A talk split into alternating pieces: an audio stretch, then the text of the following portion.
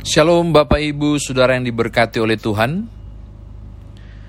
Saya Pendeta Nyoman Jepun. Saya mengajak saudara untuk membuka 1 Yohanes pasal 3 Ayat 11 hingga ayat yang ke-14 1 Yohanes pasal 3 ayat 11 hingga ayat yang ke-14 Firman Tuhan di 1 Yohanes pasal 3 ayat 11 hingga ayat yang ke-14 Mari kita berdoa sebelumnya Bapa dalam Kristus Yesus, kami mau mendengarkan firman-Mu, tolonglah kami untuk mengerti, memahami kekayaan firman Tuhan ini, lalu mengerjakan dalam hidup beriman kami.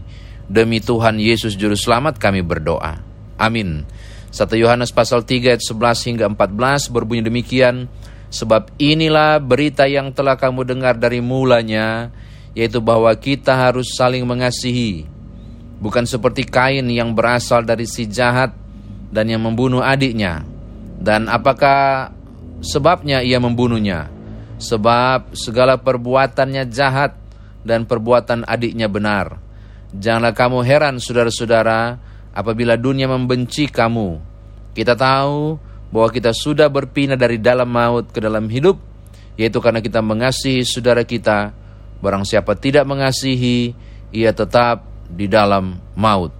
Demikian firman Tuhan, saudara saya dikatakan berbahagia jika mendengarkan firman Tuhan ini, merenungkannya, memberitakannya, istimewa melakukan dalam hidup beriman kita. Bapak Ibu kekasih dalam Tuhan,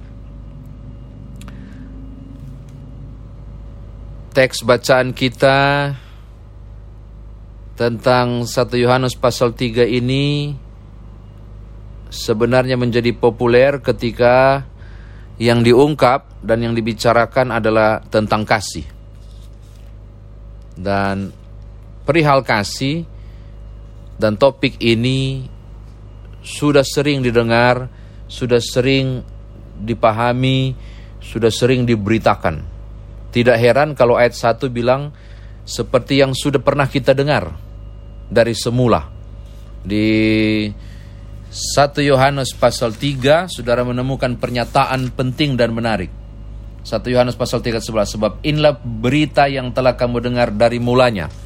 Dari mula yang dimaksud adalah pengajaran-pengajaran tentang kasih yang disampaikan oleh Yesus Kristus. Saudara bisa rujuk Injil Yohanes, Injil Yohanes pasal 13 ayat 34. Aku memberikan perintah baru kepada kamu yaitu supaya kamu saling mengasihi sama seperti aku telah mengasihi kamu, demikian pula kamu harus saling mengasihi. Jadi yang dimaksud dari ayat 11 yang telah kamu dengar dari mulanya, yaitu bahwa kita harus saling mengasihi, dia merujuk Yohanes pasal 13 ayat 34 yaitu perintah Yesus, kamu harus saling mengasihi seperti aku mengasihi kamu. Jadi kenapa ada kalimat sebab inilah berita yang telah kamu dengar dari mulanya, maksudnya dari ucapan mulut Yesus. Oke, ini yang pertama. Apa yang dimaksud dengan mengasihi? Kan harus harus harus diuraikan. Apa itu mengasihi? Dari kata uh, kita mengagapomen.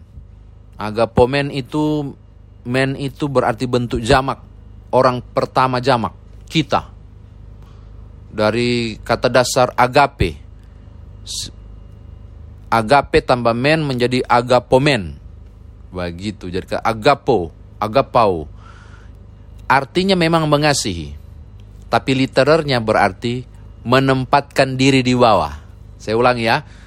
Artinya memang mengasihi, tapi literer dari agapau yang dalam teks asli kita agapomen yang berarti kita mengasihi. Agapau ini punya makna yang luar biasa, bukan saja mengasihi, tapi menempatkan diri di bawah. Saudara lihat bahwa perihal mengasihi adalah perihal posisi rendah. Uh, perihal mengasihi, perihal melewati batas ego diri. Perihal mengasihi, perihal soal harga diri. Perihal mengasihi adalah perihal soal apa kata orang tentang saya. Mengapa? Karena agapau berarti menempatkan diri di bawah. Sehingga tidak bicara lagi soal ego diri, Tidak bicara lagi soal harga diri. Tidak bicara soal muka ku taruh di mana. Udah enggak. Karena soal mengasihi adalah soal menempatkan diri di bawah. Dan orang yang dikasih itu ada di posisi atas. Hayo. Tidak mudah kan? Tetapi walaupun ini tidak mudah, Tuhanmu dan Tuhanku berhasil melakukannya Bapak Ibu. Dari tempat yang sangat tinggi dia turun ke bawah. Serendah tanah. Saya mau bilang begitu. Mengapa? Karena dibilang humus. Kata merendahkan diri itu di kitab Filipi. Yesus merendahkan diri. Bukan menjadi manusia. Kalau orang bilang Yesus mengasihi itu sampai dia bersedia menjadi manusia. Bukan Bapak Ibu. Justru kehilangan kemanusiaan. Jadi lebih rendah dari manusia. Apa buktinya? Dipaku di kayu salib. Itu lebih hina dari manusia. Jadi mengasihi bukan cuma soal saya sayang kamu, Bukan saja soal itu. Uh, I love you, bukan soal itu. Tapi soal menempatkan diri di bawah. Wow. Ini bicara soal hilangnya harga diri, hilangnya ego diri, mengabaikan posisi. Itu mengasihi Bapak Ibu. Penyangkalan tentang segala sesuatu. Berkorban untuk segala sesuatu. Itu mengasihi. Oke, ini catatan saya yang pertama. Yang kedua, kita diajak mengambil contoh di ayat yang ke-12 tentang seorang tokoh yang bernama Kain. Kalau Bapak Ibu bilang, kenapa Kain membunuh Habel? Oh, karena persembahannya tidak diterima. Oh, salah. Kalau Bapak Ibu lihat ayat 12, bukan seperti Kain yang berasal dari si jahat dan yang membunuh adiknya. Dan apakah sebabnya ia membunuhnya? Sebab segala perbuatannya jahat dan perbuatan adiknya benar. Oke, okay? mengapa dia bunuh? Karena dosa. Kenapa dia bunuh? Karena kebencian. Karena tidak ada kebenaran di dalam dirinya.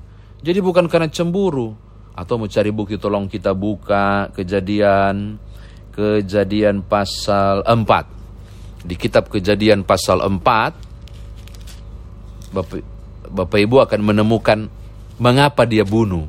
Bukan cuma soal cemburu, persembahannya tidak diterima.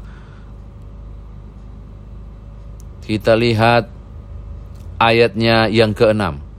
Firman Tuhan kepada Kain, "Mengapa hatimu panas dan mukamu muram? Apakah mukamu tidak akan berseri jika engkau berbuat baik? Tetapi jika engkau tidak berbuat baik, dosa sudah mengintip di depan pintu.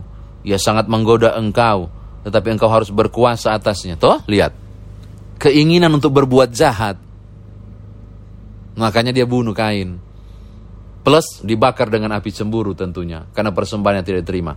Hal kedua saya mau katakan kepada saudara ini bicara. Ini bicara soal orang yang mengasihi adalah orang yang tidak membenci saudaranya. Orang yang mengasihi adalah orang yang benar-benar melakukan yang baik kepada saudaranya. Ayat 12 mau bilang begitu. Orang yang mengasihi adalah dilihat, terlihat nyata bagaimana dia memperlakukan saudaranya sendiri. Catatan ketiga. Lihat ayat yang ke-13. Janganlah kamu heran saudara-saudara apabila dunia membenci kamu. Perbedaan antara saudara dan dunia adalah kita identik dengan mengasihi, dunia identik dengan membenci. Semakin kita mengasihi orang lain, semakin kita dibenci. Lalu penulis eh, surat Yohanes katakan, Jangan kamu heran saudara-saudara apabila dunia membenci kamu. Kenapa dia bilang begitu?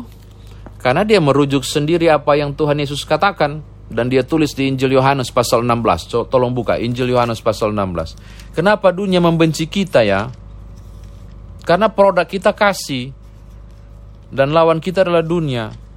Dan lawan dari kasih adalah membenci. Jadi kalau dunia membenci saudara dan saya itu wajar. Tolong lihat Yohanes pasal 16. Ayat 1 dan 2. Semua ini kukatakan kepadamu supaya kamu jangan kecewa dan menolak aku, kata Tuhan Yesus. Kamu akan dikucilkan, bahkan akan datang saatnya bahwa setiap orang yang membunuh kamu akan menyangka bahwa ia berbuat bakti kepada Allah. Coba lihat. Membunuh orang yang percaya pada Tuhan Yesus akan berbuat bakti kepada Allah. Dunia membenci saudara. Mengapa? Karena engkau penuh dengan kasih. semakin saudara mengasihi sesama, semakin hidupmu penuh dengan kasih, engkau akan semakin dibenci oleh dunia. Kenapa? Sebab dunia adalah lawan dari hal-hal rohani, tah? Jadi wajarlah kalau saudara dibenci. Lalu harus bagaimana? Tetaplah mengasihi. Saya kira demikian firman Tuhan ditafsirkan bagi kita. Nah sekarang bagaimana kita mau bawa dalam kehidupan beriman kita? Lonceng hanya disebut lonceng. Jika dibunyikan. Lagu hanya disebut lagu jika dinyanyikan. Kasih hanya disebut kasih jika kemudian dinyatakan dalam perbuatan. Maka ketika firman Tuhan mengatakan identitas orang percaya adalah mengasihi, itu berarti saudara dan saya tidak bisa perkatakan kasih. Yang harus dibuat adalah melakukan kasih. Nggak jauh-jauh Bapak Ibu mari kita ambil contoh dalam kehidupan sehari-hari. Nggak jauh-jauh jangan di lingkungan kerja tapi di rumah. Berapa banyak tindakan kasih saudara lakukan untuk orang-orang rumah. Suami kepada istri, istri kepada suami, orang tua kepada anak-anak, anak-anak kepada orang tua. Atau sebaliknya. Jangan-jangan ucapan kata yang kasar keluar dari mulut. Orang yang mengasihi apa yang diucapkan dia pertimbangkan dulu. Melukai enggak? Nah, gitu. Di rapat majelis, ketika saya mau bicara, harus dipertimbangkan dulu. Menyakiti enggak? Ada kata yang lain enggak yang bisa capai tujuan, tapi tidak menyakiti? Itu mengasihi berarti. Itu hal sederhana Bapak Ibu. Oh saya tidak mungkin mengasihi dia. Hilang harga diri saya. Oh kenapa? Oh bejat hidupnya kok. Dia berlaku jahat kepada saya. Oh Bapak Ibu. Agapau berarti menempatkan diri di bawah. Hilang harga diri sekalipun. Tetaplah mengasihi. Kenapa? Karena engkau berdosa tapi Tuhan datang mengasihi saudara. Ayo. Ini prinsip Bapak Ibu. Terakhir saya mau tutup. Membalas kasih dengan kasih membalas kebencian dengan kasih, itu manusiawi. Saya ulangi, maaf, maaf, salah. Membalas kebencian, membalas kasih dengan kebencian. Nah ini dia yang benar. Membalas kasih dengan kebencian itu kejahatan. Kejahatan loh, itu dunia.